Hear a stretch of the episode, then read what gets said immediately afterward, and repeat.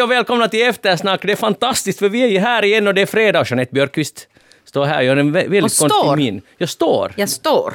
Varför vi står har du? alla, därför för att vi har alla nu lite olika sätt att vara här i den här studion idag. Du sitter på den höga fina stolen, jag står och vår sidekick som du strax ska presentera har en liten ynklig stol. Mm. Det är alltså Magnus så att jag är så kort att om jag skulle ha suttit på den där stolen så är det lite som ett, en baby som sitter vid ett matbord så där håller Ah. händerna där på kanten. Annat är det med mig, lång och ståtlig. det är för att du har en högre stol Ah, som du därför. ville hålla själv. Oj, vits. Ja, naturligtvis. Mm. Uh, sidekick idag är Maria Wastström. Välkommen med. Tack, lång och ståtlig även på den lilla stolen. Ja, du ser faktiskt ganska insjunken ut där nere. Oj, nej då. Ja, det är bra att stå, för då har man desto, det är desto bäst, bättre för rösten. Det Mm. låter bättre.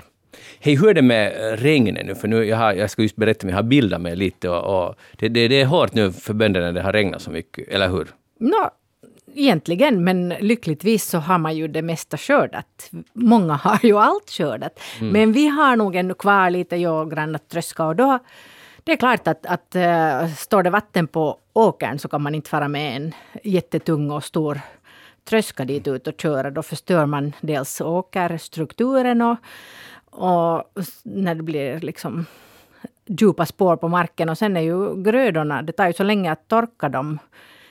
De ska ju sen när de är, är tröskade så ska de ju torkas. Och, och det är väldigt energiödande. Om man ska hålla på i många timmar att, att det där snurra dem där i, i torken. Så det är ingen bra idé. Så det skulle gärna få vara lite uppehållsväder. Men det är det ju nu. Just det är nu är det ju. För jag är därför jag bildar, för jag har varit då i Savolax nästan en hel vecka. Ja, där blir man bildad. Ja, där blir man bildad, och speciellt om sådana här problem. Och, och det där, men hur många dagar icke-regn behövs det förrän det, åkern håller om man kör på det med era maskiner? Men det beror på hur mycket det har kommit de senaste Kan du inte svara? veckorna. Ja, förstås, det förstår jag. Men Ja. det är normalfall. För det var reportage från Vesanto. Ja. Och där hade det nu regnat den här... Redan nu i september hade det regnat 140 millimeter. Det är ganska mycket. Ja, det tror jag nog att vi också har fått. Aha. Faktiskt mycket regn. Ja. Ja. Och, och det, det, det är jätteproblematiskt. Men som tur var, de har också korn, men de hade då skördat 90 procent redan, så det var, de klarade sig just och just sådär. Just det. Men där i våra trakter så hade det åtminstone varit ganska mycket översvämningar. Och det är ju nog problematiskt om det är så att, att den här växtligheten står alltså med, med rötterna och med, med, med fötterna i, i blöt mark. Det vet man ju hur roligt det är. Liksom. Men blir det något av en sån... Alltså, No, nu kan det bli om det torkar upp ännu sen. Inte blir det ju sannolikt inte alltså människoföda, men, men så att det kan användas som foder. Och det är ju en viktig sak också faktiskt för oss eh, spannmålsodlare, att det finns också djur och fungerande eh, köttproduktion i Finland, därför att, att djuren behöver ju mat. Och det är ganska mycket oftast som inte går, av det som man odlar, som inte går att äta för människan. Och då är det ju fint att det finns en, en avsättning också för det, att det finns djurgårdar som behöver foder. mm. Så vad används korn vanligtvis till? Korn. Korn eller Ja. ko. Korn med R! Uh, till exempel eh, kan man ge det åt kon. Men eh, om det går, ja sen används ju maltkorn till öl som Bische. du vet. Ja. Nåja, nu förstår jag. till. Och, eh, alltså stora, stora mängder korn går faktiskt till Koskenkorvafabriken. Eh, där de både har foderproduktion och ja, brännvinsproduktion. Okej. Välkomna alla till Jordbruksradion. Jag heter Magnus Lundén. Egentligen heter vi Eftersnack och idag är det ett historiskt program för jag tror det här är första gången i Eftersnack snart 15-åriga historia som en av deltagarna har varit i en roddbåt i norra Savolax samma dag som programmet görs. Ni, ni tittar alltså på hjälten här. För i morse 5.45 steg jag ombord. Vad säger du Jeanette om det? är lite Jag tycker det är jättebra för vi har faktiskt pratat på telefon igår och då var du fast där på grund av stormen. Ja, Och jag var lite orolig. Jag är sån här orolig. jag vet. Har du varit orolig hela dagen? Nå lite sådär att, att kommer han att ringa och berätta att det gick inte någonting. Jag var orolig över det att det fanns träd, att det skulle finnas träd över vägen och du inte hade motorsåg för det tyckte du inte att du behövde. Du skulle gå och hämta någon bonde sen om där ligger ett träd och du inte kan komma fram. Ja, Så skulle jag gjort. Måste du alltså ro för att komma bort därifrån? Eller Ja, var om man är på en holme. Han rott från? Kuopio. Ja, Okej, så det var, det var inte en sån där nöjestur då? Nej, nej, absolut inte. Det var, det var ren, ren och skär överlevnad. Ja, ja. Hej, eh, vi kommer, jag kommer faktiskt komma tillbaka till den här min fantastiska vecka, men eh, vi ska tala om stormen först. Ayla. Är det ett ganska fint namn? Nå ja, vi har en granne som heter Ayla. Hur gammal? nå, äldre än stormen. Hon är kanske, nå, vad skulle hon kunna vara, nå, 70, mellan 70 och 80 kanske. Ah, för jag tycker att det, det låter lite så här modernt, att det kommer igen det där namnet. Jag tycker det är ett ganska fint namn. Tycker, Ayla är ett jättefint namn. ja. Tycker du Maria att det är ett fint namn? Eh, ja, ja, nu är det ett fint namn. Ja. Ja. visst är det. Ja, det är säkert, det hör till den här kategorin som eh, kanske för 10-15 år sedan så, så fanns det inte så många nyfödda som hette så, men att de Nu kommer efterhand det. kommer. Exakt. Så här korta, effektiva namn. Hej, nå, hur har stormen påverkat er? Jeanette? Den har det där nog inte faktiskt påverkat mig på, på något plan överhuvudtaget för jag har suttit inlåst i en bunker hela veckan. Lite märkte jag att det blåste igår när jag kom hem därifrån och gick in till vårt hus. Alltså det är, uh, skillnaden mellan ditt och mitt liv är ganska stort då den Ja. här veckan. Bunker, du har jobbat naturligtvis. Jag har jobbat, jag sitter och klipper nu ett MÅT-program. Det tar det aldrig slut, du snackar varje fredag om det där Ja, programmet. nej, vet du, det är ju det vad man kan tänka faktiskt. Det känns sådär som att det tar aldrig slut. Men det tar faktiskt alltså slut kanske nästa vecka. Kanske. Maria, där i Ingås, hur var det med stormen? Nå, det var ju nog inte där som den slog till som Nej. hårdast, så att vi klarade oss alldeles bra. Det var nog inte något större problem, lite kvistar som föll. Och I och för sig så var det faktiskt en jättegran som föll precis framför huset hos min granne. Så att, och flaggstången och nog så att nu har det hänt en del saker. Men, men ändå väldigt lite jämfört med om man skulle ha befunnit sig på, på västkusten eller på Åland där Ja. det var lite stormigare i alla fall. Ganska liksom hurj, så kallade hurriga bilder som det fanns på svenska YLE. Alltså inte var det något jämför med stormarna i USA eller Asien, det förstår vem som helst. Men jag menar ändå så här, oj plötsligt är taket borta eller trädet som alltid har stått där i trädgården, puff, det Mm. gone. Att det bara, stormen kommer in och bara plopp, lyfter det eller bryter det. Nu är det ju viss kraft i den där Ja, nu stormen. det, och nu tycker jag att, eh, att det förvånar mig lite att det finns alltid de här människorna som, som på något sätt eh, gör sig lustiga över att, att människor eh, lite kanske förbereder sig för en storm och sånt. För nu är det ju sådana saker som man, man ska ta på allvar. Att, att Det kan ju hända verkligt obehagliga saker och det är nog verkligen inte något roligt om du får en, ett träd över, över en byggnad eller över en, ett fordon eller något sånt. Att det, är ju liksom, det kan ju faktiskt uh, orsaka stor förödelse. Att, att, nu är det bra att förbereda sig, även om man ju kanske inte alltid vet exakt att blir den nu så stark som man tänkte sig och sådär. Att, att det där. Nu tror jag att, att Men hur kan, Maria, du som vet mest av alla, hur kan träd klara, alltså många, när jag tittar ut genom fönstret där på Holmen, så hur kan träd böja sig så där mycket? Men vet är du, det har jag också funderat på. Faktiskt igår kväll när jag nu gick ut på promenad och då var det inte någon jättestorm utan det var nu lite blåsigt bara. Så, så när man tittar på de här långa, långa, smala, rangliga sakerna och de, de alltså står faktiskt upprätta fast, fast de böjer sig så där kraftigt. De, det måste nog tyda på att de är, de är verkligt sega. Skulle du säga att människan eller träden är segare? För människor utstår ju också ganska mycket förnedring om man tar ett helt liv och Ja. böjer sig och du accepterar. Ja, ja nu både och konkret. Allvarligt, svara ja. Vem är, vem är mer flexibel? Träd eller människan? Ja, trädet. Jeanette? Trädet skulle jag nog säga också. Dessutom har trädet djupare rötter. Ja, det beror ju på vilka träd vi talar om här. Men, Och vilka släkter man tar. Nå, dessutom det. Ja. Men det är oftast brukar det vara en, ett trumfkort det där att ha djupa rötter. Både för människor och träd. Och granar är ju ganska ytliga figurer, för de strittar ju sådär bara. De har ju, rötterna går ju inte alls djupt. Så Jeanette, du är... Jag känner att den här tematiken på något sätt nu hålls här på... Jord, jag sa ju att det var jordbruk, eller ska naturradio jag kanske, det kan hända att mina tankar vandrar iväg lite men jag ska komma tillbaka. Jag, är försöker, jag, jag såg i din blick att du Ja, tänkte på att det mått. blev sådär tomt. Ja, ja. ja, ja. Så nu, nu måste du hålla dig här och jag ska tala om eh, Belarus faktiskt. Ja, nåja. Eh, eller före detta Vitryssland. Jag tycker fortfarande det sitter naturligare i Jag Vitryssland. har jättesvårt med det där Belarus. Men vi måste, vi måste försöka det där, för de tycker vi, vi jag tänkte säga vitryssarna själva vill, men belarusierna själva vill inte att man kallar det för Vitryssland, för det är inte något vitt Ryssland. Det är liksom helt fel. Nej, nej, och det är ju därför jag, jag, jag, jag godkänner och jag, jag respekterar Ja. det här men det är jättesvårt att bli av med gamla vanor. Ja, no, alltså nyaste nytt om här- Nej, förlåt, jag ska inte... Ja, vi går till Belarus. Ja, alltså det, det var på, i Guardian visade de så här bilder mm, hur de här ungdomarna, de är mestad- mestadels 20 till 30-åringar. eh, Och jätteförvånansvärt många av dem tycker jag på något sätt, eller förvånansvärt för mig, är att jättemånga är kvinnor. Och de är där ute och demonstrerar och de har börjat en ny taktik att de river maskerna av polisen. De har ju så här huvor, så här kommandopipon på sig så att ingen ska känna igen dem. Så river de av mössorna och tar de bilderna och så försöker de via liksom, så här bildsökning på nätet komma underfund med vem är den här polisen.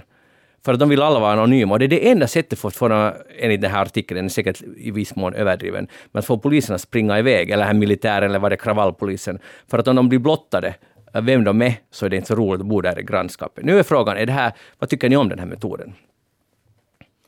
Hmm, så där spontant sett så är jag nog lite skeptisk till den. Ja. ja. Varför det? Mm. No, det är ju så att det är ofta...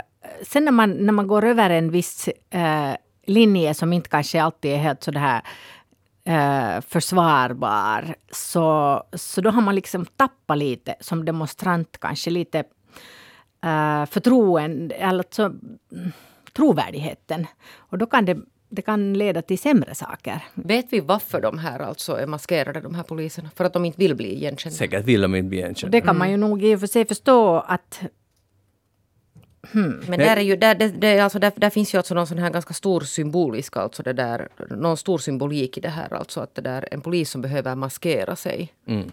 Alltså som inte kan stå upp i sitt eget ämbete och stå för det här ämbetet. Så det berättar ju då att någonting är fel. Exakt.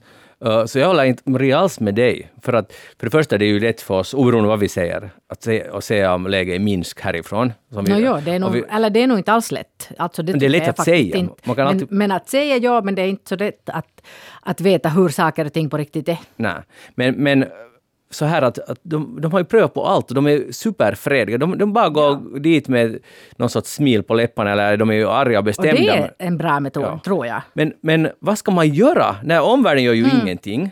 Och, och, deras egen president flyger över dem med, med gevär i, i fampon och hotar och, och, och nu stänger han gränserna till vad heter det, Polen och Litauen och, och säga att, att Polen och Litauen kommer snart att invadera vit, äh, Belarus. Och så här, som man har säkert mm. fått goda råd av Putin. Jag menar, man är ju ganska en återvändsgränd i den här situationen. No, det är väl det som, då tar man väl just till sådana åtgärder som inte alltid kanske är, är liksom helt genomtänkta.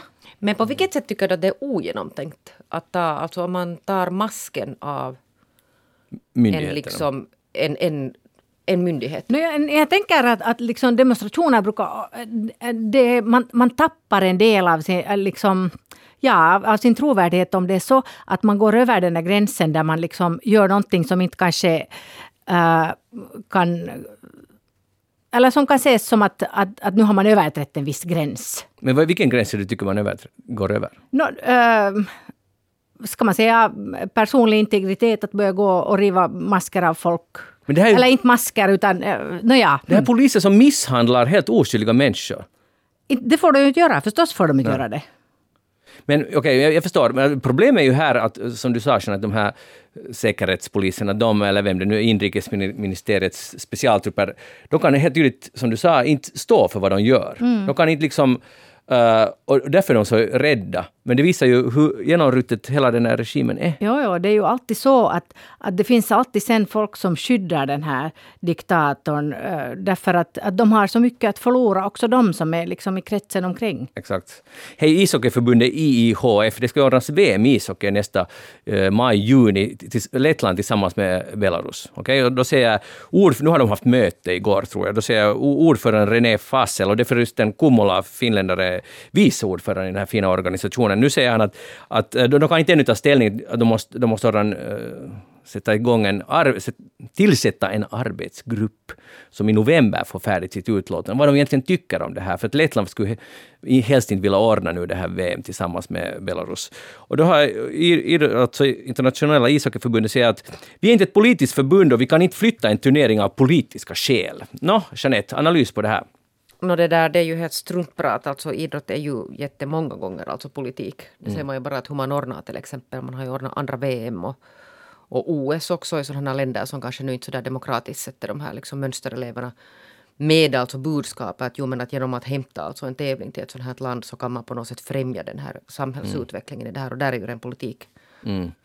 Uh, sen, sen, finns det ju en viss mån av uh, Godmorgon yxskaft. Till exempel, inte har vi någonsin i eller inte hittills i alla fall i eftersnack diskuterat, oj oj, varför gav de ishockey-VM till Belarus? Alla har vetat att det är en dik diktatur väldigt länge. Jag har själv varit i Belarus i fjol och jag tyckte det var jätteintressant att vara där just för att man vet att det är en diktatur, eller mer eller mindre i alla fall. Och nu har det ju förstås blivit värre, men jag menar, nu är det så här på ett sätt ett drev, för det har blivit så uppenbart vad som sker där. Alltså när man ser bilder på poliser som misshandlar fredliga demonstranter, så det är klart man börjar lite att fundera. Så det finns ju en, ett, en nivå av att varför har de alls gett det här VM dit? Men det skulle säkert blivit ett ramaskri om de skulle, om de skulle inte ha gett det. Så eftersom Vitryssland är, ursäkta Belarus, är ett väldigt taggat ishockeyland. Maria, vad tycker du, borde man ge det till dem? Borde man dra bort det därifrån nu? No, det är nog lättare att, eh, att liksom peka på den här uh, politiska situationen när det är någonting som händer för tillfället. Att det, jag, jag, jag, förstår hur du menar, att man borde kanske då tidigare. Men, men samtidigt när det pågår en, en sån här kris som är uppenbar för alla, så nu är det ju då uh, lättare att fatta det beslutet att, att nu går det inte. Att, mm. För då är det ju det finns inte något annat än politik. Det är ju uppenbart att det handlar om just politik. Mm. Så jag tycker det. att ja, de ska inte... Jag tycker att det är politik. Ishockey är också politik i den här mm. frågan. Man kan inte i det här skedet på något sätt utgå ifrån att det är en egen liten bubbla. Det tror jag inte. Mm. Säg när är det det ska ordnas? I maj, juni. Nästa år? Ja.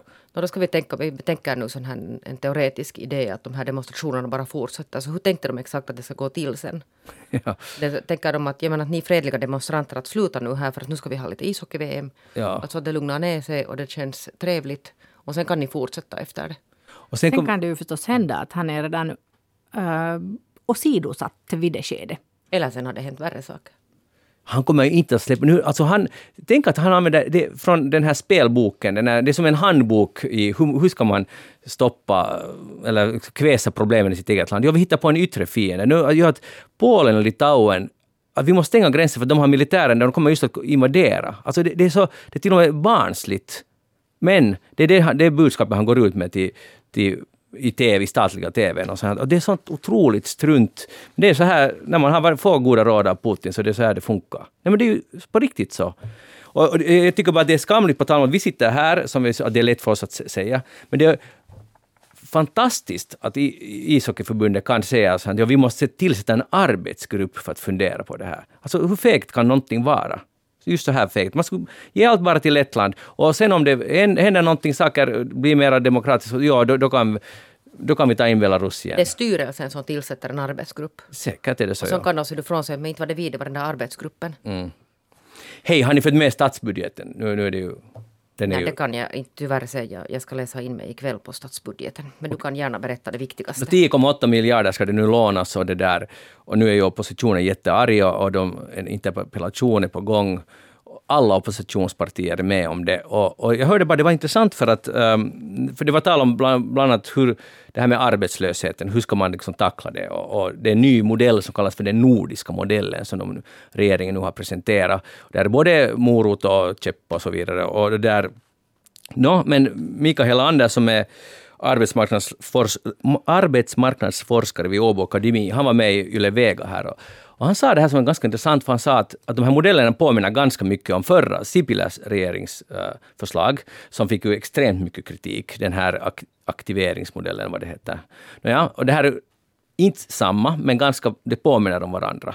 Men han sa det här att, att det är intressant för att när högern kommer med ett sådant här förslag, så blir det enorma protester. Men när vänstern kommer med ett sådant förslag, så är det lättare att svälja det för de stora breda massorna eller det blir inte lika mycket protester. Och det här är egentligen ganska... Men är det sant? Oh, det men han, vi utgår nu från att forskaren vet vad han snackar om. Och jag tycker det, det är alldeles fascinerande. Det är lite så här som... För jag, jag har en, en jämförelse. Om jag säger till dig Jeanette att, att du jobbar alldeles för mycket, så du kan ju vifta bort det ganska bra. Inte skulle du bry dig hemskt mycket. Mm. Men om, om din dotter skulle säga det, Mamma måste jobba så mycket. Varför jobbar du så mycket? Skulle ha, vilken del skulle ha mera effekt? Du tänker sådär att, som en teoretisk, hon har ju frågat det här också. Aha, okej. Okay. och det hade ingen effekt? Nej, men det där jag skulle säga att, att det där, att jag vet inte, det är säkert alltså, jag menar, forskare måste ju basera sig alltså på, på historien. Mm. Men alltså nu såg jag idag den här korta stunden jag hann gå in på, på de här sociala medierna och titta, så nu var ganska många alltså sådana här så kallade gröna vänstermänniskor jätteupprörda alltså mm. över den här regeringen. Att det här hade vi inte väntat oss av den här mm. regeringen. Men ändå att det kanske accepteras ändå, för det är Socialdemokraterna som, som driver den här regeringen, leder Vi måste nu regeringen. lite hör du se hur det ser ut den här ikväll, den här debatten. Mm. Marie, vad tror du det kan stämma det här? Mm, ja, nu tror jag det egentligen. Uh, sådär... ja, ja, jag tror att det kan stämma. Du, jag alltså, tror det låter helt, helt sådär Plausibelt. plausibelt. För jag tror att det, alltså i alla fall om vi tänker på ett mänskligt plan, så det mitt exempel funkar inte överhuvudtaget med Jeanette eftersom allt är redan sagt och ingenting har hänt. Men, men i normala fall, nu är det ju skillnad vem som säger till en Jo. någonting Ja. som man inte egentligen vill höra så eller inte vill åtgärda. Så nu har det ju betydelse, nu kan det ju ha politisk betydelse också. Och sen kanske man sätter in, man sätter in egna värderingar i det att man vet vem som, om man tänker så här partipolitiskt, så kan det hända att, att eh, eh, om man tänker att, att förslaget kommer från högerhåll, så då upplever vänstermänniskorna att, att det är liksom Herrarna. aggressivare och, och så här än vad, de kanske, vad det kanske egentligen är. Och vice versa. Ka- Kanske att man också läser in liksom eh, egna fördomar och egna tankar i, i, i saker och ting. Att det är inte alltid bara fakta det handlar om. Men alltså här är ju på något sätt då utgångspunkten att majoriteten av befolkningen nu köper det här. Mm. Är det så du menar? Det var inte jag som menade något, men, men, men att det kommer att accepteras. Men ja, alltså det där, vi vi vet ju inte. Nej, vi ännu. vet inte. Men han, kanske han hänvisar till historien. Ja. Alltid när Socialdemokraterna har suttit i, vid makten och drivit igenom något Svåra, Svåra, åtgärder. ja, så har Jag det tänker bara för hem. den här, alltså just, den här, just den här frågan var ju alltså otroligt inflammerad under förra regeringen. Ja, verkligen. Alltså det är riktigt, alltså det var ju riktigt alltså dåligt. Så jag vet inte att köper folk nu någonting som ens påminner om den här saken. Det, de nu, nu, det är ju eh, nog en lite annorlunda modell. Att nu, det de satsar på att det ska finnas mycket fler tjänstemän som kan träffa den arbetslösa och diskutera vad, är, vad, vad har vi för möjligheter och skulle kunna tänka dig att söka det här jobbet och, och, och man måste söka mellan 0 till 4 jobb, men i normala fall fyra, alltså 0 till 4 jobb i månaden, men i normala fall inte där 0 utan 4 i månaden, alltså en gång i veckan ska det man var ju var det minst inte söka ett ungefär jobb. det, som den där aktiveringsmodellen alltså. Ja, här är sanktio- sanktionerna inte riktigt lika hårda om jag nu förstår rätt. Den är ju liksom modifierad och det kan hända att när den är lite sådär uh, filad och eh, kanske mindre taggig så har man också annars lättare att, att acceptera en sån Jag vet modell. inte, alltså jag tänker bara att i, det här, i de här tiderna, alltså med de här corona, alltså stängningarna och vad allt det har alltså orsakat för människor och liksom permitteringar och allt sånt. Så det där vet jag inte, det är nog säkert jättesvårt att lansera något sånt här, för att det finns människor som liksom har blivit tvingade bort från sina arbetsplatser, kanske alltså blivit tvingats alltså lägga ner sina företag. Att det där, att jag Klart vet inte att att hur glada blir människor då, att jag menar att nu ska du börja söka då fyra jobb i, veck, fyra jobb i månaden istället. Nå, men, men alltså det är ju äh, väl... Jag tänker så att fyra jobb i månaden är väl helt rimligt att söka om man är arbetslös. Att, att äh, vissa saker kan man väl också förvänta sig om man ska få en, en äh, ersättning för det. Att inte det är ju äh, en omöjlighet att sitta och skriva en ansökan per vecka. Jag menar, många, tror jag, som är arbetslösa kan nog tänka sig att göra det. Jo, det finns ju alltså, det har ju skrivits många artiklar om arbetslösa som har skickat iväg alltså 400 Precis. och det händer ingenting. Så nu kan jag förstå också att om man har nu liksom varit arbetslös ganska länge och sitter och skriver och skriver och skriver och det aldrig leder någon vart. Nej, och det förstår jag att det är ett mycket större problem än det att man ska skriva en ansökan per vecka. För det, det har jag svårt att tro att man kan jättemycket kritisera. Ja, och det var väl den här förra modellen var alltså just det där att för du ska sitta liksom för dig själv där och, och rappa ner det här. Det är ju en annan sak om de faktiskt kan garantera att det finns alltså någon människa som du kan till exempel sitta ner och konsultera och på riktigt analysera ditt läge med. Jo, de påstår att de ska anställa massor av nytt folk som ska då hjälpa kan- de arbetslösa. Men vad bra, då får många människor nytt jobb. Ja, precis, om inte annat sådär. Men sen, det är ju mycket mer komplicerat än att kan du skicka in en ansökan en gång i månaden, eller fyra gånger i månaden. Det, är ju liksom, det måste finnas arbetsplatser, det måste, och det, på din, helst på din egen ort, och det här kanske man hoppas på distansarbete och så vidare. Och nu, som han sa också, och det, jag tror att alla vet att det är mycket mer komplicerat, det här kommer ju inte att lösa. Det att man ställer krav på att Nej, och där finns, alltså, ansökan. där finns någonstans alltså underliggande alltid de här sådana här liksom tankar är det att att den som är arbetslös på något sätt sitter där hemma och tänker att den behöver inte göra någonting. Det är ju inte så. Alltså den här, den här liksom på något sätt vanföreställningen av lata arbetslösa. Jag tror att det är det som folk opponerar sig mot. Det är den här inställningen mera än vad det egentligen krävs. Ja, för jag tror ju inte, alltså jag tror att de flesta alltså människor i det här landet som är alltså arbetsföra vill jobba. Och sen är det en helt annan sak att hur är det sen i verkligheten, att hur går det att, att få det där jobbet. Många liksom byter bransch och försöker, men sen kan det hända att, att det helt enkelt liksom kan vara ett sånt läge att det finns inte någonting som... Nu, jag menar, vi kan ju inte, vi kan ju inte tvinga till exempel alla att bli, bli närvårdare. Det skulle behövas jättemycket närvårdare, men inte det är ju heller någon lösning att man Nej, nej, så är det förstås. Hej, eh, en god sak i den här, det finns säkert många go- goda saker i den ny, nya budgeten och planen så att säga för riket, är att cykelförmån blir nu skattefritt upp till 1200 euro. Så här som alltså jobb, vad heter det, istället för bilförmån så har man cykel. Och tänk att det har tagit så här länge och det har varit lite så här otydlig eller svår att förstå, inte så hemskt fördelaktig den här förmånen förut. Men nu, Tonni 2, det tycker jag det är en, alltså man kan köpa en riktigt fin cykel, men det förutsätter att man har ett, en arbetsplats som betalar för det här. Så igen, så på ett sätt är det en bra sak, superbra, man ska få bort folk från sina bilförmåner och köra bil till jobbet. Men det gäller ju igen bara de, de här som har den där förmånen av att ha ett jobb. Och sen också de som har sin arbetsplats på rimligt avstånd från sitt Ja. hem. Jo, men hej, det finns bilförmån fortfarande. Och, och, Jo, jo, så det, absolut. den, den här tar de inte ifrån. För då skulle det här landet kastas in i kaos om vi skulle ta bort bilförmån. Det är sant. Och, kil, och kilometer är, så då, då är det slut på allt. Och ingen regering kommer någonsin att ens föreslå det. För då blir det revolution, riktig re- revolution. Det här är bara små saker. Hej, äter ni ofta köttpiroger? aldrig... Nej, faktiskt skrattar inte. Nå, när åt ni senast? Nå det där kanske minnas. för 35 år sedan. Aha, och Maria, Ja, jag minns inte. men vet du hur det smakar? Då? Ja, men, menar du nu sådana som man köper i butiken? Helt sådana... Man kan göra själv också, men Ja. En sån här Nej, alltså, jag- med, med sån här så ris och något såna. äckligt. ris och kött. Ja, ja, Ja, jag precis. försökte, jag kan säga alltså att jag äter inte, jag försökte köpa en sån här, det var någon nödsituation och mitt barn behövde ett mellanmål och vi var någonstans och det fanns bara sån här, hon höll på att börja spy av det. Voi stack in. Ja, det Hon var fick inte, i sig en finsk köttpirog. nej men det smakade inte riktigt, det var inte, det var inte hennes smak som de säger nu för tiden i Ja, skolan. jag är inte så förtjust i det här. Ja. Ja. Uh, Okej Maria, du, du, vet, du vet inte ens Alltså vad det nej, är. visst, nu nu, mina barn har nog ätit det någon gång. De har inte tyckt att det här var illa alls. Men Bra. huh. För att, uh, det finns ett bageri som funnits i... Men kanske det är just det, att, att de som jag har ätit har inte varit från ett bageri. Varifrån var det No, då? de var alltså så här vet du att man går dit. Ja. Ja, ja. Nå- Nåja, men berätta om ditt bageri. Jo, eh, det finns, har funnits och finns fortfarande ett bageri som har funnits i Helsingfors centrum. Det är liksom, man kan nästan kalla det en kulturinstitution, Eromanga. Jag tänker nu säga det här namnet för de går ju nu i konkurs. Oj, nej. Och, och jag har då ätit, vuxit upp bland annat på de här köttpirogerna i min glada ungdom.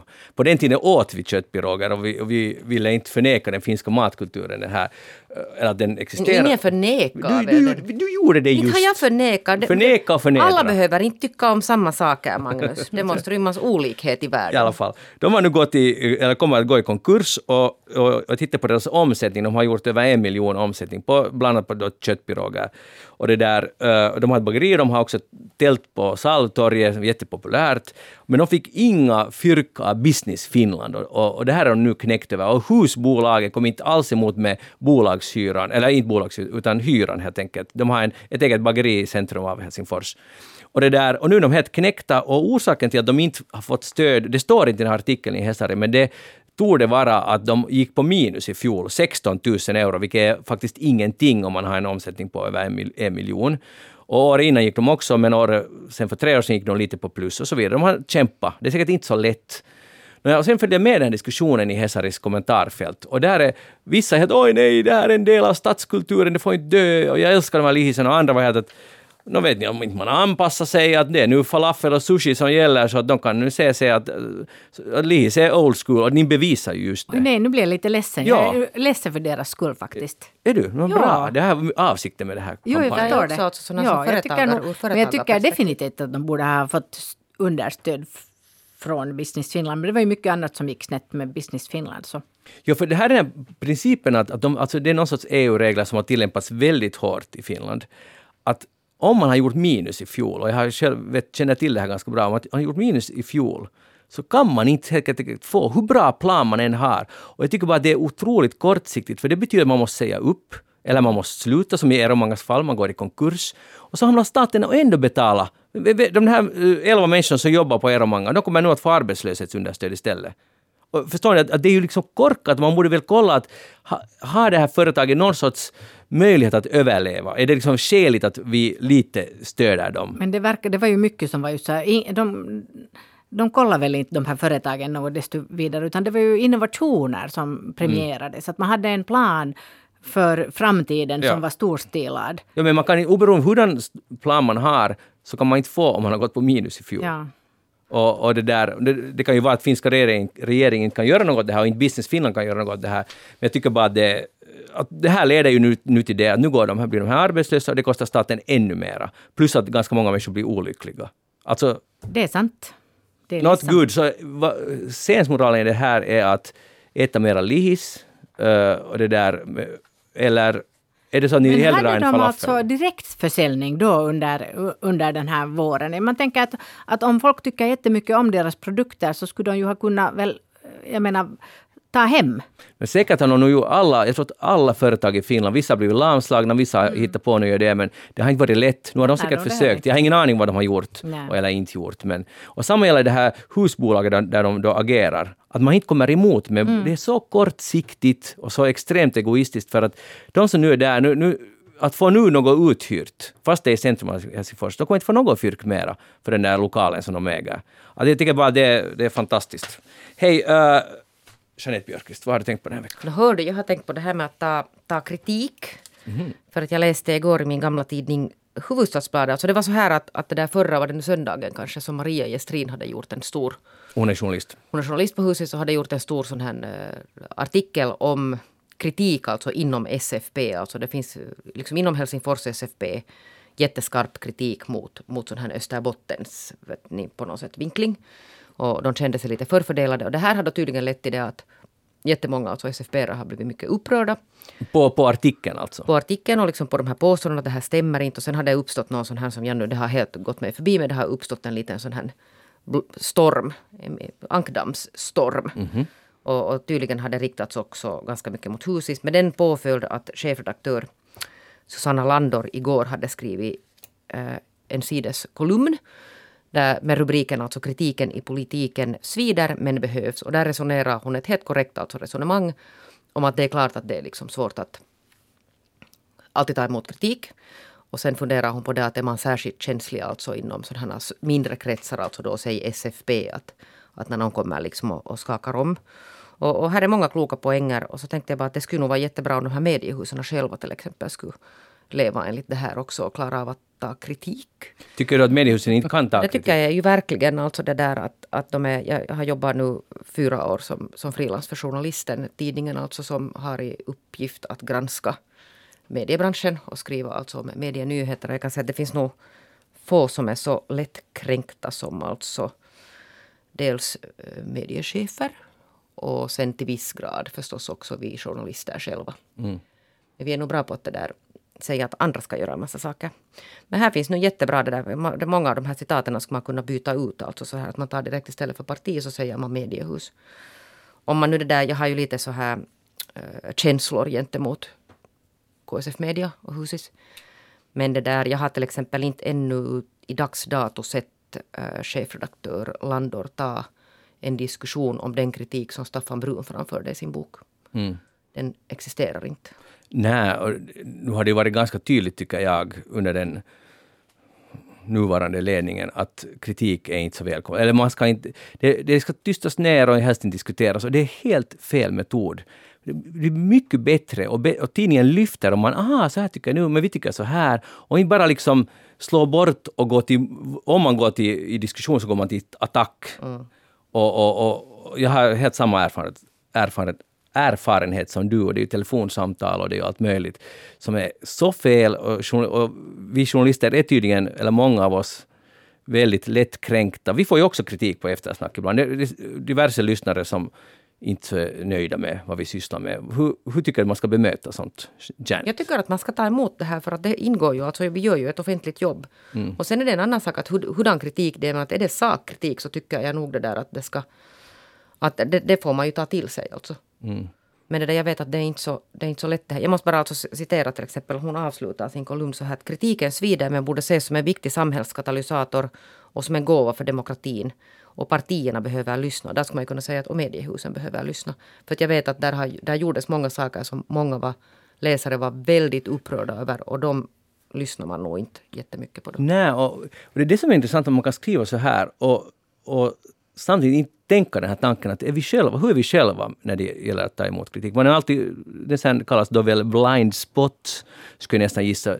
Maria, tror du att journalister är extra, att vi, vi är lätta att säga sådana saker men vi kan inte sen leva upp till det. Leva upp till det, liksom. det är lite som min Dessvärre är det exakt just sådär. Jag tror att där satt du nog faktiskt fingret på en öm punkt. För att äh, äh, vi har också nog hemma hos oss många gånger skrattat lite åt, åt de här äh, svaren som finns på insändarsidorna. Ofta kanske just på på Husis att, att insändaren kanske är en viss längd och sen svaret, åtminstone tidigare, kanske man har blivit lite, lite bättre på det, men tidigare så var svaret alltså dubbel längd och ganska fränt tillbaka, att man liksom sätter ja vill, vill sätta den som, som kommer med kritik på plats. Exakt. Och det är ju, det är ju liksom så mot alla konstens regler. Alltså jag, när, jag blir, när jag läser sånt och jag, du, jag tror att du kanske har rätt att det har varit mera tidigare, men jag, blir, jag vill kasta den här tidningen i väggen, jag blir så rasande på det där. För det här är deras kunder, deras som betalar för den här tidningen. De har rätt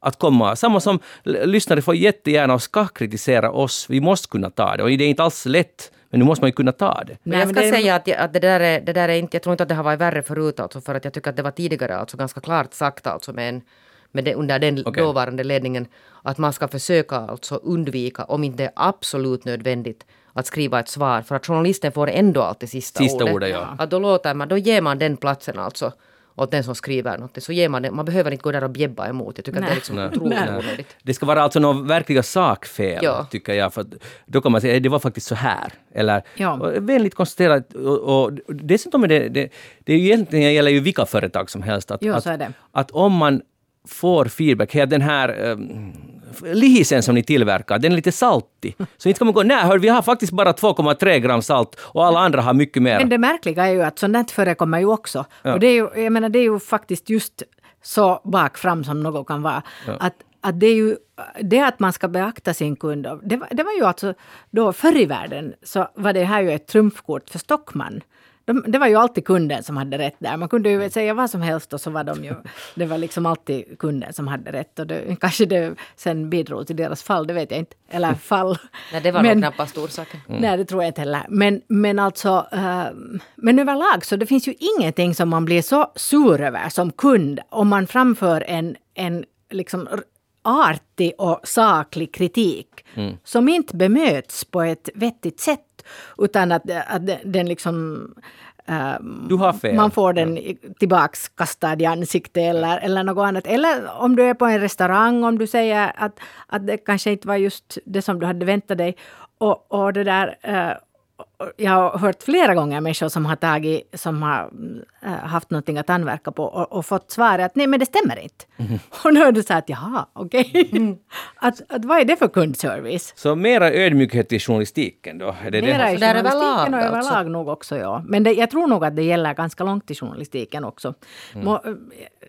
Det känns som att många journalister är ganska Uh, det, är ju, det är ju liksom små barn som man, uh, som man föder ut där med sina texter och de är viktiga och känslosamma. Mm. Så kanske det är då så att, att, de, att det blir så svårt att, att se när någon kritiserar dem. Å andra sidan kan man ju också se att det förekommer nog mycket kritik. Att nu får ju journalister ibland också uh, liksom o, uh, orättvis kritik. Mm. Så kanske att det är också det att man är van vid att det kommer ganska mycket och ganska full kritik som gör att man sen när man har möjlighet så slår man så till den, ordentligt. Jag den som gav den sakliga kritiken får sig sen ja. någon annan. För jag, jag, tror, men jag, jag, tycker nog att man måste alltså om man jobbar i, sån, i en sån här bransch så måste man, och du måste kunna alltså, du tar till det, du läser just den kritiken. Och är den liksom osaklig och någon skäller att du är ful och och sösötter och liksom bla bla, då behöver man inte svara det.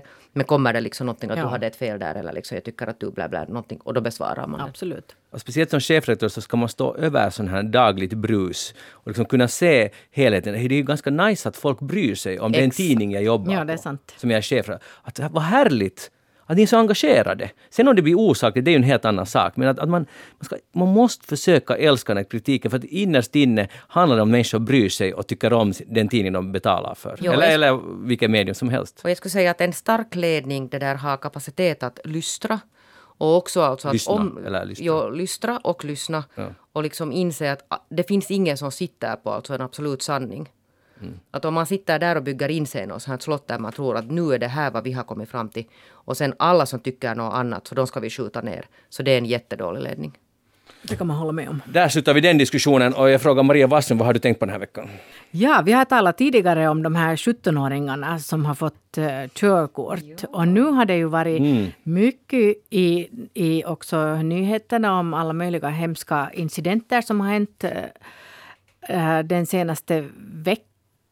Där unga, unga förare har kört ut och krockat och, och, och många har hamnat på sjukhus och hemska saker. Men, men det där, jag tänkte ändå att jag skulle försvara nu faktiskt den här, den här tanken. För jag har nu äh, fått sån här first hand äh, förstahandsinformation om, om det här 17-åringarnas körkort. Jag har sett eh, bland annat mitt eget barn alltså har, har nu fått tillgång till ett sådant vilket har gjort mig som förälder nog ganska förstås sömnlös ibland om nätterna. Men, men nu när det har gått en tid så har jag faktiskt insett att det här kanske inte riktigt är så dåligt ändå. För att ähm, äh, som den här den här sonen också har påpekat väldigt tydligt för mig att mamma, man kan inte dra alla över en kam. Att, det, att, att vi får nu, vi 17-åringar som kör, får nu jättedåligt rykte tack vare de här enstaka som har gjort sig skyldiga till, till utkörningar och, och, och fortkörningar och, och alkohol och, och användning vid ratten och sånt. här. Men de allra flesta är ju faktiskt inte såna.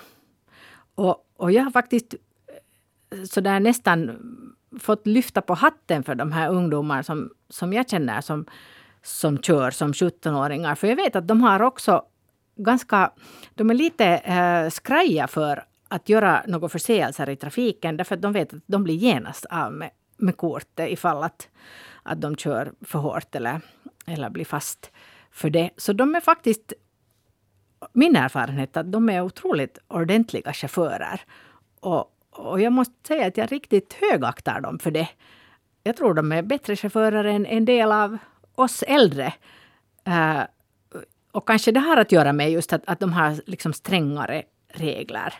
Mm. Och, och sen just när man tänker på sådana här landeungdomar, så nu har det ju berättat många möjligheter att röra sig mycket, mycket smidigare. Till exempel nu för tiden är det ganska många som går i skola längre från sin hemort, till exempel utanför hemorten. Och, och så där att mitt eget barn också hade med kollektivtrafik två timmars skolresa medan med, med, trafik, med, med det här körkortet så blev det liksom hälften förkortat då till en timme. Och de samåker när de är flera. Som, så det är liksom ett helt vettigt system egentligen. Att jag måste nog ta tillbaka att, att jag har varit lite skeptisk till det här men egentligen så tycker jag att det är ganska bra. Jag är skeptisk fortfarande, trots ditt försvar. Just, och kanske just för att jag inte har så mycket kunskap, eh, därför för att själva insikten om att uh, allt yngre kan köra fritt i trafiken, så det oroar mig nog lite faktiskt. Och, och om man inte har gått så lång bilskola som tidigare. Och, och, och så jag tycker inte alls att det är så jättenice. Och är det nödvändigt och så vidare. Jag vet att man har kunnat få dispens också tidigare och, och så där. Uh, jag tycker tvärtom man borde bli strängare också med de vuxna. Och, och det är ju helt förstås sant att många 17-åringar är säkert mycket bättre chaufförer än de här många galningar som man ser i trafiken varje dag som inte är 17-åringar. Uh, så inte, inte har jag någon lösning. Ja, jag men tycker nu- de värsta är de här som i trafiken som man ser ganska mycket, som man ser på dem att de är, de är maniacs. Att, att de måste förbi nu Ja. och alla andra ska bort. Det här är, det är liksom helt sjukt att, det, att sånt här tillåts så att säga fortsätta. Jag vet inte alls vad man ska göra åt det, men det är de här människorna som själva borde inse att de borde inte sitta framför en ratt. Jag sa just igår åt min dotter att man borde införa så här obligatoriska psykologiska tester, alltså regelbundet. Att det är människor alltså mentalt Men hur- tillstånd hur skulle det kunna funka? Inte vet jag, men sådär som en teoretisk Teoretiskt, idé. Alltså, ja. för jag tror att det finns jättemånga människor som kör bil som inte alltså riktigt har balansen i känslolivet på en sån nivå att man ska... Och dit räknas vi naturligtvis inte. Nej, men sen ska jag säga om de där 17-åringarna, för att den största riskgruppen, det hade ju varit liksom i eviga tider, är de här alltså unga killarna, nyss fyllda 18. Så det är ju de som alltså så Så är det. Det visar ju statistiken. Det är ju Ja, och det sant. spelar ingen roll att, att får de det här körkortet som 17 eller får de det som 18. Att man kan inte liksom belasta alla 17-åringar för att det finns Mm. och det, och det finns liksom alla möjliga förklaringar till att varför är de då så utsatta. Och det är de här grupperna när någon ska skjutsa någon och det är liksom Mm. allt möjligt. Och sen vill de köra ofta jättehårt. Stiger inte risken ändå också om, alltså ju yngre man är, Nej. ju så här grupptryck och Jag tror inte här. att det spelar någon roll att är du 17 eller är Jag- du jag 18. tror- Jag tror nog, jag tror nog, men samtidigt så kan jag säga att jag tror också att, att det här, hela den här körkortsreformen har gjort att, att i de familjer där det är aktuellt så har man ju nog, eller hoppas jag åtminstone, har man faktiskt gått igenom de här sakerna Mm. och diskuterat dem. Jag, jag kan säga att vi har haft många middagsdiskussioner om just de här sakerna. Men ni är en superansvarsfull familj, liksom att, men alla kommer inte att funka på det där sättet. Nå, tja, jag vet inte. Och, och, och inte spelar det alltid någon roll vad föräldrarna säger. Eller ganska sällan kanske i det skedet. Uh, jag är också liksom orolig för just det här. Och, och jag vet att i vårt fall så, så det är klart att, att har man liksom växt upp på en bondgård och har kört traktor och, och moppo och alla de här fordonen redan långt innan man det här körkortet så är man faktiskt en ganska bra chaufför i många fall. Precis. Och då har man kanske viss erfarenhet. Att, att, eh, jag tror att det finns ju väldigt många olika slags chaufförer som får kort när de är 17. Inte vet jag, men jag tänker alltså på några 17-åringar. Vi har också en sån här bonusdotter som fick alltså det i förväg. Som bor alltså på, på glesbygd. Att, att du är ändå så stor när du är 17 att inte det är nu jätteroligt att vara beroende av det att mamma eller pappa ska skjutsa dig omkring. Nej, det har jag märkt. Ja. Nå, vi kommer inte att lösa det här, men Nej, vi kommer inte. kontentan är att, att nu ska man inte dra alla 17-åringar över en kam. Det ska man ju aldrig göra. Nej. Men, men det är lätt. Jag läste den rubriken och så kom det och så läste jag artikeln och då var jag helt ja, ja, ja, ja, där ser man. Så där, det var min reaktion. Just att, att det går på känsla. Och ärligt sagt också lite min. Men Ja. hej, har de fått- inte alltså i USA i eviga tider fått körkort som 16-åringar? Ja, eller i många stater, eller Ja. säkert de flesta stater eller så. Ja, exakt. Där borde man se på statistiken. Är den värre eller bättre än i Finland? Så okej, hej, vi går vidare. Brukar ni ha en, en vilodag i veckan? Så här, den här dagen tar ni det lugnt. Jag vet att Jeanette, du inte brukar ha, men Maria? Alltså, jag brukar nog ha, ta, ta sådana lediga dagar. Jag är ju liksom herre över mitt eget, liv, lyckligtvis. Så jag kan ju ta lediga dagar ibland när jag känner för det. Men att eh, nu till exempel under skördetiden så får man vara beredd att det inte blir blir några lediga dagar, men sen samtidigt så kan det komma sådana här så oplanerade lediga dagar. När det regnar eller sånt här. Och, och, så att, att det är inte så där att en viss dag har jag planerat in, nej. Att nu ska jag ha ledigt. Nej, det är inte alltså det här frilanslivet, så att det går ju så här i sjok. Man måste vara Sen kan det flexibel. komma om en månad kanske har du lite längre. Exakt, ja, det är lite förlegat hela det här, men, men det var så att Maria Repo Rostedt, hon är församlingspastor i Johannes församling, så hon hade andrum idag. Det, här, det kommer på Yle Vega och jag lyssnar på det. Det är extremt sällan jag lyssnar på det här programmet, men nu lyssnar jag på hennes ord. Och det var helt intressant att hon, hon talade om eh, sabbat, judisk sabbaten och sen också om i kristendomen hur man nu, det här med vilodag. Och hon- kom, hade, hon hade nu kommit fram till att det är jätteviktigt att ha en vilodag i veckan. Och definitionen av vilodag är följande. Att mm, du ska ha en dag i veckan där allt det, allt det du gör ska du tycka att är roligt. Så, så exempel var att om du hugger ved för att du måste få ved till eh, så Bastun. Ja, eller för vintern när det blir kallt och du hugger ved, så ja, men då kan du göra det sex dagar i veckan. Om du gör det liksom för att det, liksom, du måste så att säga ha den veden, för annars fryser du. Men om du älskar att hugga ved, då kan du hugga ved på den där vilodagen. Om du tycker att I love it, då hugger du också den, eller då hugger du endast, endast den sjunde dagen. Men, och jag tänkte, jag tänkte på det här, det var helt intressant liksom analys. Och, och jag började fundera, vad är roligt i livet och vad är vad gör man av tvång så att säga? Och jag, jag, min teori är det att det här är en lite gammalmodig mm, definition av vad livet är och arbetslivet är. För att för många är arbete också roligt. Och jag hoppas att för så många... För ganska många. Ja, och, och, och då ser jag inte att det är liksom ett jättestort problem. Däremot måste man ju försöka sträva efter, efter att göra roliga saker, för det blir nog, livet blir roligare. Men idealet skulle vara att man har roligt va- Man kan ju inte ha roligt hela tiden, men, men förstår ni vad jag menar? Att, Ja. att ska man liksom slita på, jag måste göra det här sex dagar i veckan och sen ah, en dag så kan man Det blir det. lite konstgjort tycker jag. Att det är på det sättet. Jag- måste nog säga att för mig är inte det här vedhuggning eh, att ha ledigt. Utan det är verkligen eh, jobb därför att vi värmer hela vårt stora hus med ved. Så det, Mm. det är 70 kubik ved som ska lagas och det är definitivt inte är något som jag mycket. gör för ros skull. Men, eh, men jag tror ändå att det är frågan lite om en inställningsfråga. För då när jag gör den där veden, visserligen inte med yxa och, och handsåg utan på något annat sätt, så, eh, så måste man tycka att det här är liksom en bra sak. Jag gör det här för att för att jag har själv nytta av det. Och det är egentligen i måttliga mängder ganska roligt. Bara man inte gör allt på en gång till exempel. Att nu är det lite inställningsfråga. Inte säger det någonsin som att det är min vilodag. Men ändå så att man måste liksom tycka att också arbete är till nytta och, och, och trevligt till och med. Jeanette, brukar du planera in, nu ska jag bara göra roliga saker. Nej, det brukar jag verkligen inte göra. Men jag har lite den här för att jag tycker nu faktiskt, fast jag lite sådär, sådär chimär gnäller ibland, så jag tycker ju faktiskt att mitt jobb är jätteroligt. Lite mycket kan det bli ibland, men det är ändå roligt.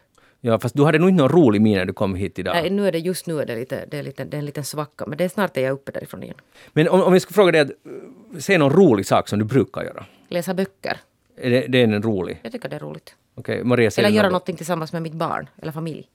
Maria, kommer du på något roligt? Jag kommer vara massa vad roligt. Vad, vad, vad, menar- vad är inte roligt alltså? Det är ju mer... Ja, okej, visst det. Är bättre. Bra, rätt. Ja. Vad är inte roligt? Vad är inte roligt? No, no, just det där kanske. Zoom-möten, det är inte roligt. Nej, nej, just det. Men alltså om det är sådär att, att jag tänker att "Nå, nu har jag ingenting i kalendern, vad ska vi hitta på? Så då, nu, då är det trevligt tycker jag att göra någonting just med antingen med sina vänner eller med familjen och att man gör någonting som man inte gör varje dag. Utan det var kanske just det där, jag kan också tycka faktiskt att det är roligt att åka in till Helsingfors, nu har jag inte gjort det på länge. Jo, ja. men, men sånt så kanske äh, ni inte tycker att det är Visst. särskilt roligt. Eller ja, kanske ni tycker. Du är säkert oftare i stan än jag. Hopp, jag har inte varit i stan på jättelänge. Men Ah. i alla fall. Uh, vet du att, att det som skiljer sig från ens vardag, det är ju kanske det att, Mm, precis. som, som är viktigt. Att, att det måste vara någonting annat. Mm. Då blir det roligt. Korrekt. Uh, no, jag, ska, eh, jag går vidare. Och jag har ju då tillbringat då sex dygn i ensamhet på en holme då i Savolax. Och det där och väldigt fint på alla sätt. Man kommer så nära naturen. Och jag ska säga en sak som är, låter hemskt banal, men om ni lite skulle ta tid och lyssna på mina kloka ord så kommer ni att tycka också att det är fantastiskt. Och det är en sån sak att det är ganska sistigt att solen går upp varje dag. Nej, men på Åh. riktigt, tänk på det här. För att, Jag har tänkt på det. Jag har soluppgång från mitt fönster. Jag har tänkt att varför är det så att alla fotar alltid solnedgångar, men när det är soluppgången som är så fin. Ja, alltså till och med en sån här stormdag så vet man. Det är nu mörkt och, och sen när man checkar ut klockan 6.36 där går, det, där går solen upp och det blir ljust. Det är ju helt sjukt och det kostar ingenting. Det bara, den bara kommer. Och jag, jag är helt tagen av det här. Och man tänker inte så ofta på det i stan. På, på det otroliga. Det går året runt, kommer sol hela tiden. Och jag, jag, jag är helt lycklig över den här insikten. Alltså det där på något sätt, jag, kommer, jag påminner mig om att du har pratat om att du ska bosätta dig där säkert där i din savolaxiska, på din savolaxiska holme i ett år och så sa du på något sätt så här att familjen kan få komma och hälsa på mig.